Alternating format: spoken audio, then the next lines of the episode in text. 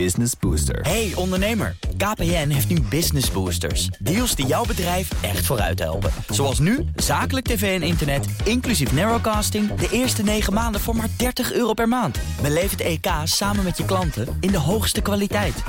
Kijk op kpn.com slash businessbooster. Business Booster.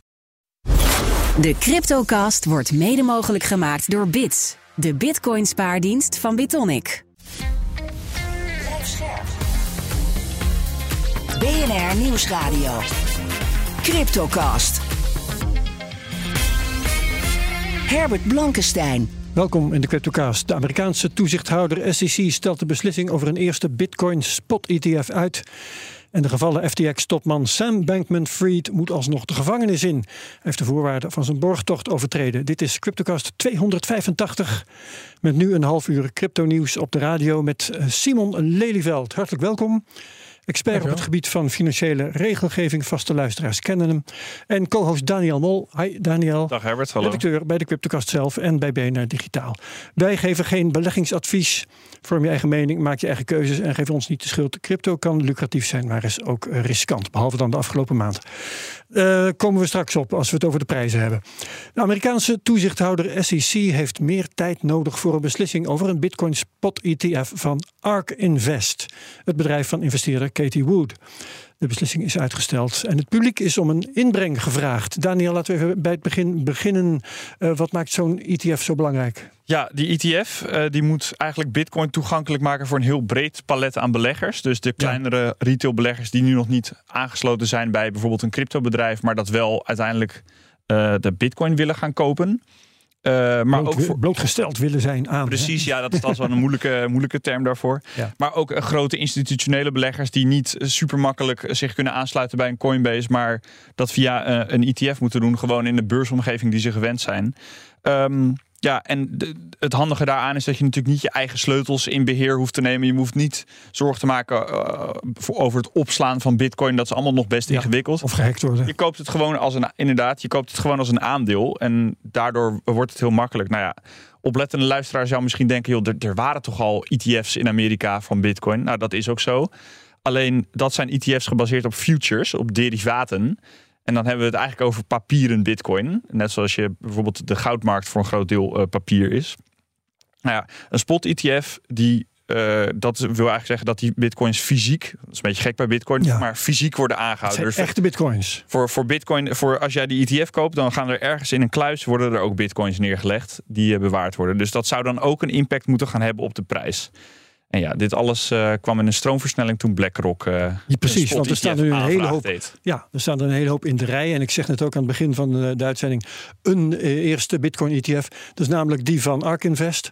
Ja. daarna komen er een hele hoop meer. Maar ARK was toevallig van degene die nu in de rij staan de eerste. Hè? Ja. Waarom is die beslissing nu uitgesteld? Ja, nou ja, ARK loopt sowieso vaak wel op de troepen vooruit. Dat, de, Cathy Wood is ook, die is ook aardig op de. Op de bek gegaan, zeg maar, met het aankopen van hele, zeg maar, risicovolle tech-aandelen. Dus daarbij investeerders flink wat verloren. Daar uh, liep ze ook mee vooruit. Precies, ja. ja. Dus, uh, maar nee, nu zegt uh, de, de SEC, SEC, zegt eigenlijk, ja, we hebben meer tijd nodig. Um, en dat is niet zo heel gek. Ze gaan, ze gaan zelfs een consultatieperiode openen waar, waar ze bepaalde zorgen eigenlijk het publiek vragen ja. om bepaalde zorgen mede weg te nemen. Of, of er marktmanipulatie mogelijk is. Daar Precies, over, ja, hè? ja. En dat is, dat is een zorg die eigenlijk heel erg speelt uh, rond dit hele ETF-verhaal. Dat is een van de dingen waar het echt spaak op kan gaan lopen. Ja.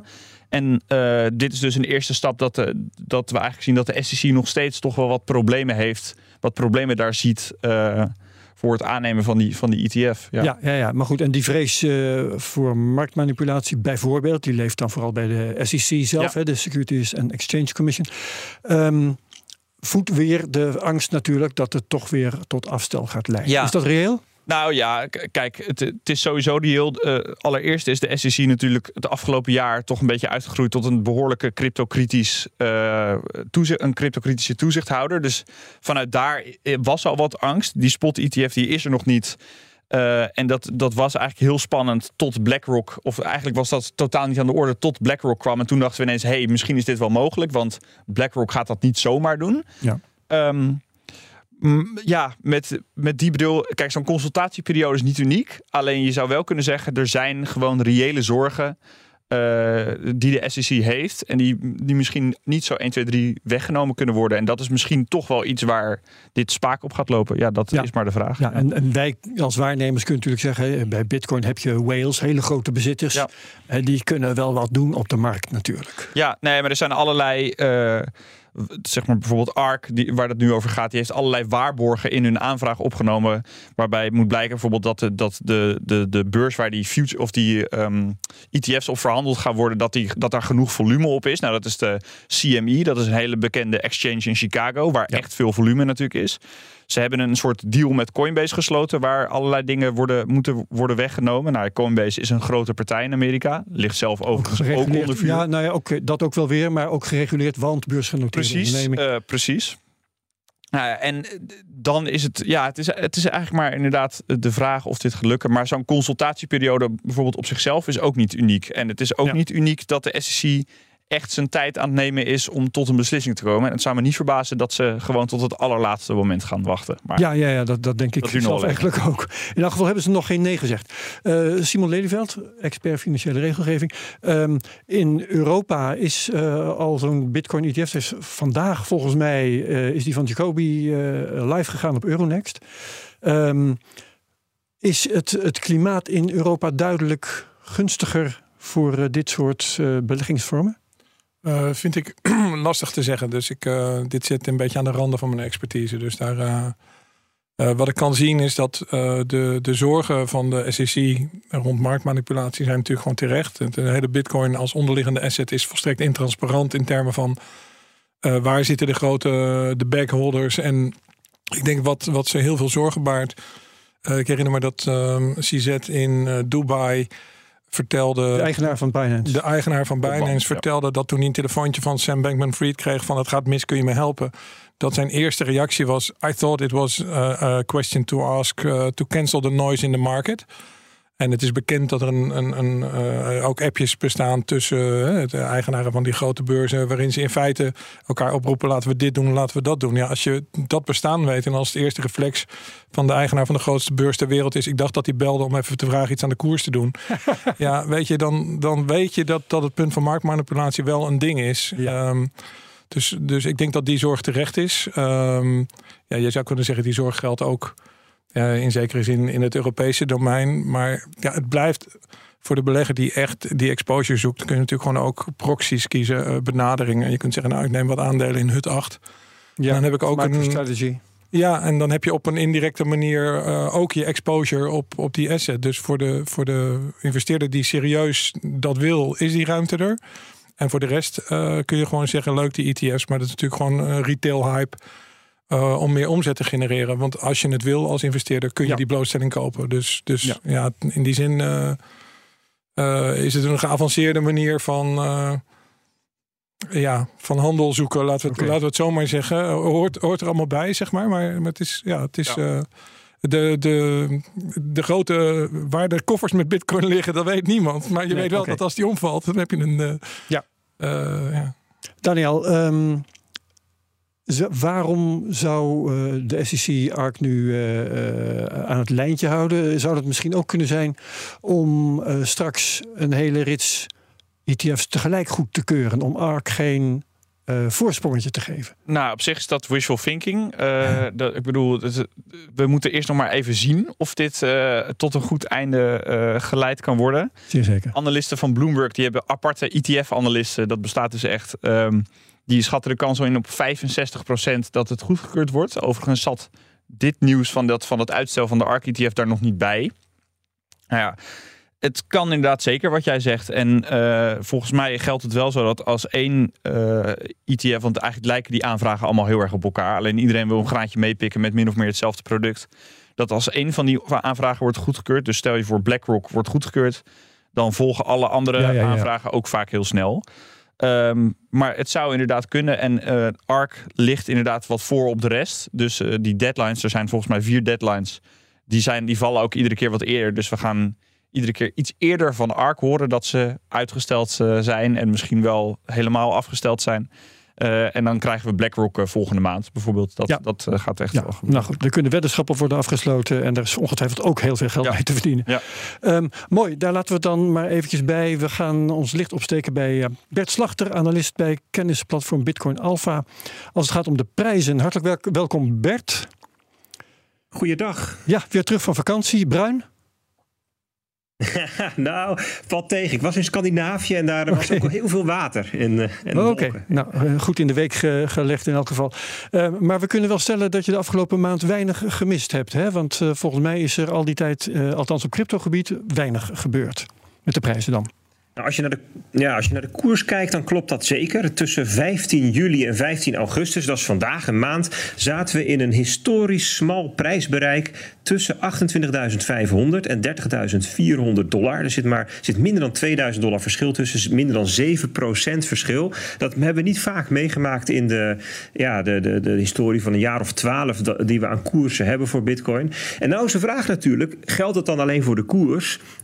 Of is er überhaupt gewoon niet zo heel veel gebeurd in de wereld van decentrale technologie? Zal ik hem even heel breed Ja. Ehm, maken. En andere dingen die wij volgen, natuurlijk macro-economie. En eigenlijk klopt dat wel. Hè? Want we, dat, we, we- praten daar mensen elke week wat over bij. En dan kijk ik even terug naar de afgelopen vier, vijf weken. Dan zie ik vooral dat we updates geven over lopende dossiers. Over de ETF-aanvragen. Nou, jullie hadden het net even over de ARK-ETF. ehm, over stablecoins, over rechtszaken. Over Coinbase die met zijn tweede laag bezig was. Noem het allemaal maar op. Maar het zijn eigenlijk updates in ja, de- de dingen die we al wisten. Waarvan we dan zeggen van nou ja, we, we praten jullie even bij. Maar echt nieuwe ontwikkelingen. Ja, het is gewoon echt komkommertijd. Ja, ja eh, en dan zijn er mensen die eh, zeggen van nou, maar dit is eh, stilte voor de storm op basis van technische analyse bijvoorbeeld. Hè, eind augustus, grote bewegingen. Ja, dat zal allemaal wel. Maar is, is er een reden voor dat soort verwachtingen? Ja, dat hoor ik inderdaad ook. En inderdaad ook, zeker eh, bij de YouTubers, dan iets daarna van. En dan volgt er straks een koersexplosie en zo, weet je wel. Maar dat is ehm, op zijn best, op zijn gunstigst, is dat een nietszeggende voorspelling. Kijk, natuurlijk zal er ooit weer een keer een periode komen met hoger volume en hogere volatiliteit. Of omdat we eh, heel erg stijgen of omdat we heel erg dalen. Maar er is niet de, de, de, de kans dat we de komende tien jaar op exact deze koers blijven. Die is natuurlijk niet heel.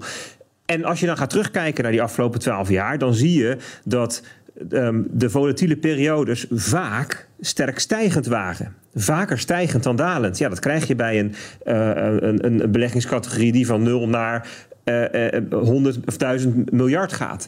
Eh, en dan kan je dus zeggen van ja, eh market koersexplosie, weet je, dat ja. ligt voor de hand. Ja, maar als je heel goed kijkt naar de data, dan zie je dat je vaak langere periodes van rust hebt en langere periodes van onrust of hoge volatiliteit. Je zou kunnen zeggen, die, die lage en die hoge volatiliteit, die clusteren eigenlijk. Dus ehm, betere analyse is zeggen van de kans is heel groot dat na een rustige dag, dat er nog een rustige dag volgt. Tot er op enig moment een grote beweging wordt ingezet. En dan, ja, dan, dan heb je dus een overgang van een rustige periode naar een onrustige periode. Dus de, de voorspelling van we hebben nu al een tijdje rust gezien, dus is onrust aanstaande, die klopt niet. Nee.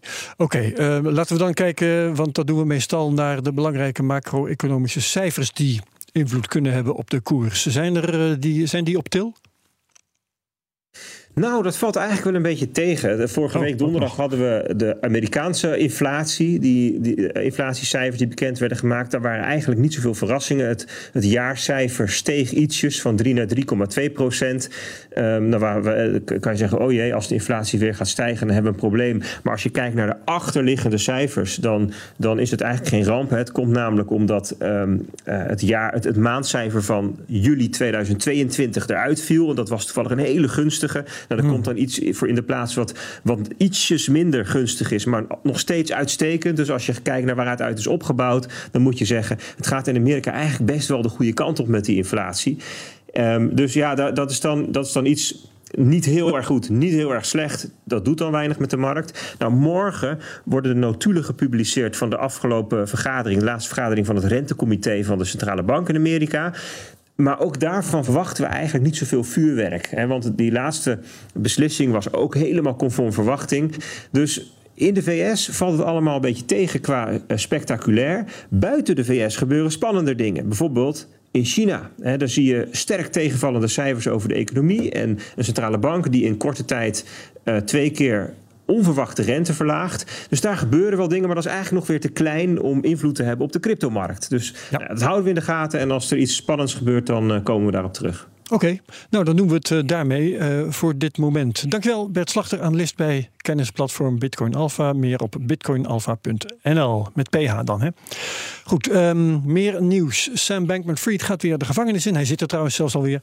De oprichter en topman van uh, cryptobedrijf FTX. Ex-topman was op borgtocht vrij. Na het overtreden van de regels die bij zijn borgtocht horen... moet hij het proces nou achter de tralies afwachten. Daniel, even de korte inhoud van het voorafgaande graag. Ja, uh, Sam Bankman-Fried is, uh, wordt verdacht van een hele waaier aan uh, fraude, aanklachten en campagne, illegale campagne-donaties. Nou ja, de, de bottom line is, hij heeft de hele boel belazerd met zijn bedrijven FTX en Alameda Research. Um, ja, zij hebben volgehouden dat zij bitcoins hadden die ze eigenlijk niet hadden. Uh, er werd heel veel geld uh, verloren met Alameda Research. En die gaten werden opgevuld met klantengoeden van FTX, de grote exchange. Klant, ja, precies. Ja, klantengoeden misbruikt ja. voor uh, ja, ja, het bedrijf. Het, het is een schurk van de, van de bovenste plank, laten we maar zeggen. En die, die hebben we eind vorig jaar ging dat allemaal fout. Uh, zo rond november. Toen heeft Binance nog de zaak proberen over te nemen. Ging uiteindelijk weer niet door.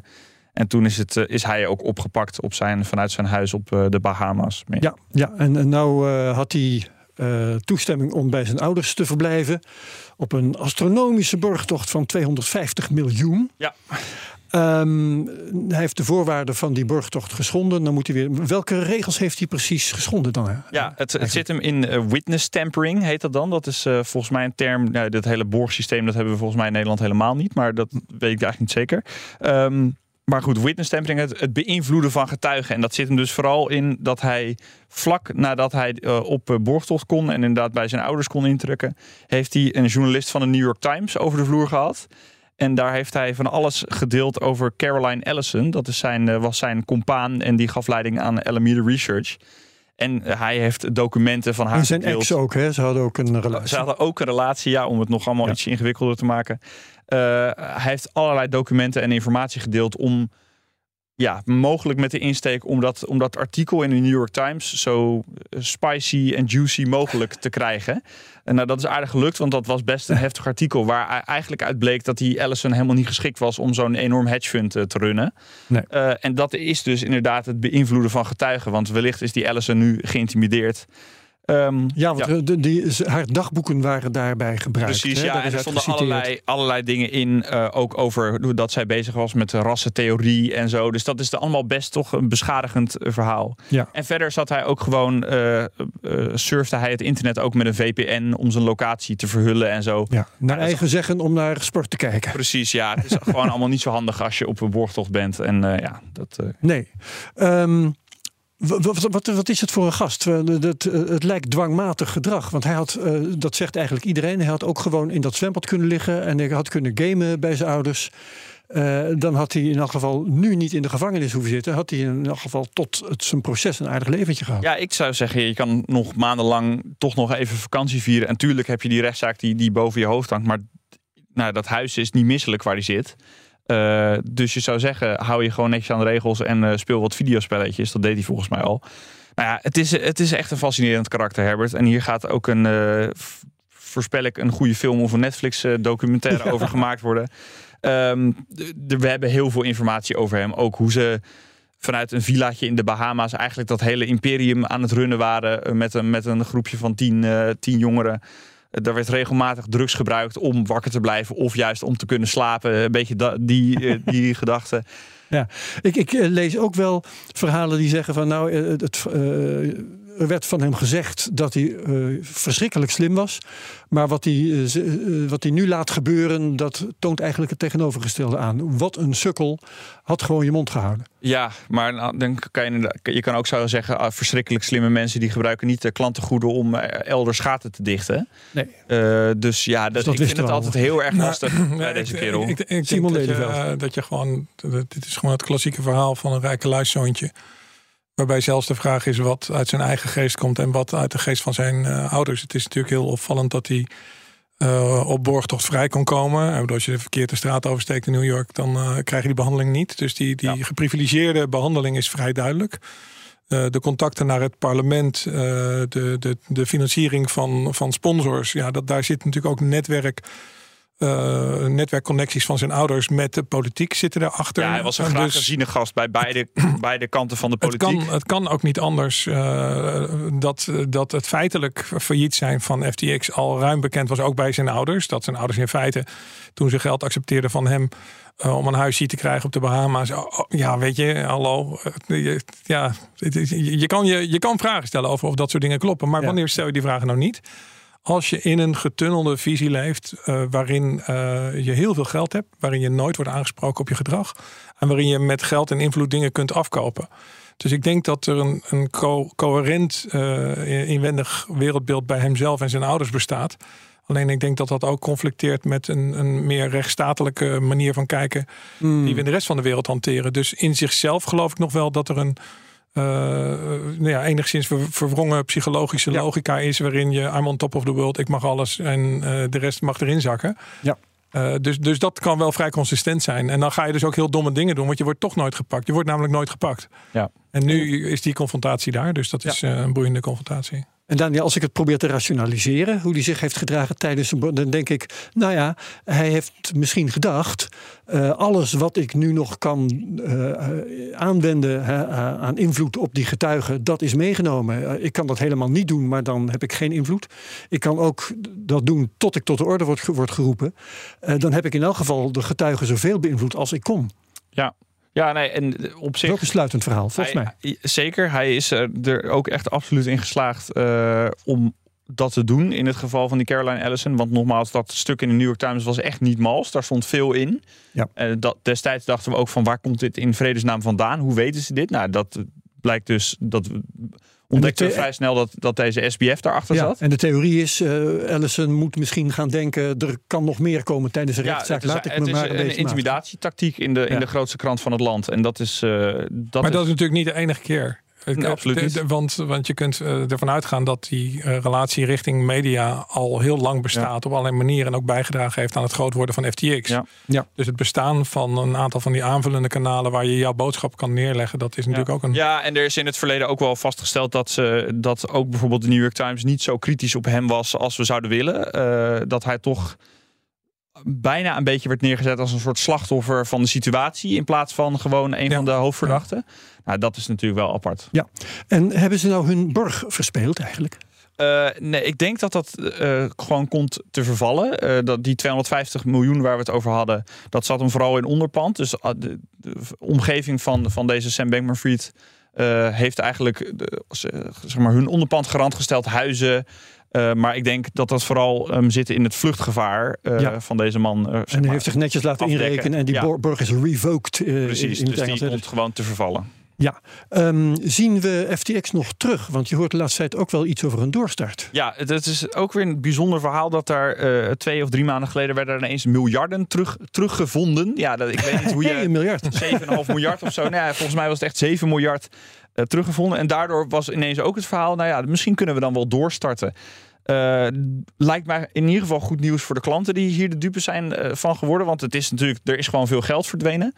Um, maar ja, ik weet niet wie er nu nog op een, op een exchange wil handelen die FTX heet. Weet je wel, dat, dat is een, Goed punt. een naam die uh, volgens mij uit een verleden. Reputatie, wat was natuurlijk weer, die komt te voet en gaat te paard. Precies. Uh, Simon Lelyveld, we gaan het straks in de podcast hebben over um, de travel rule.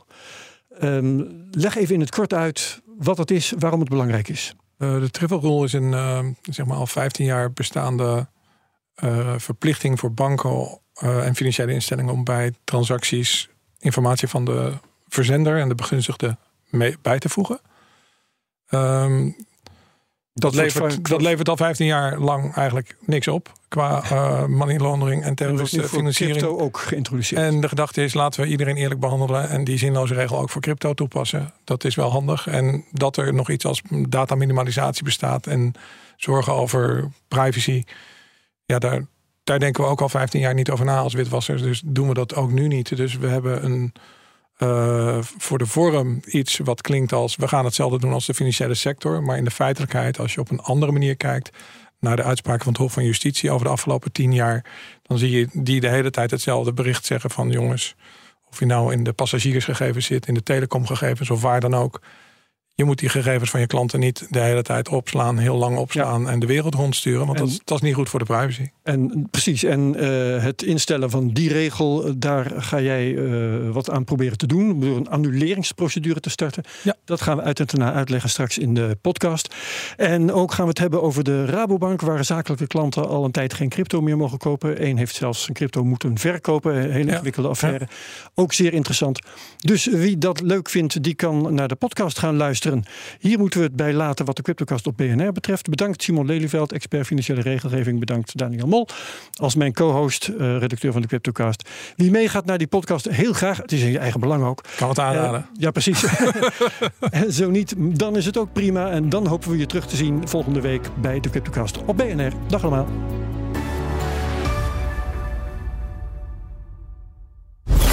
De CryptoCast wordt mede mogelijk gemaakt door Bits de Bitcoin spaardienst van Bitonic.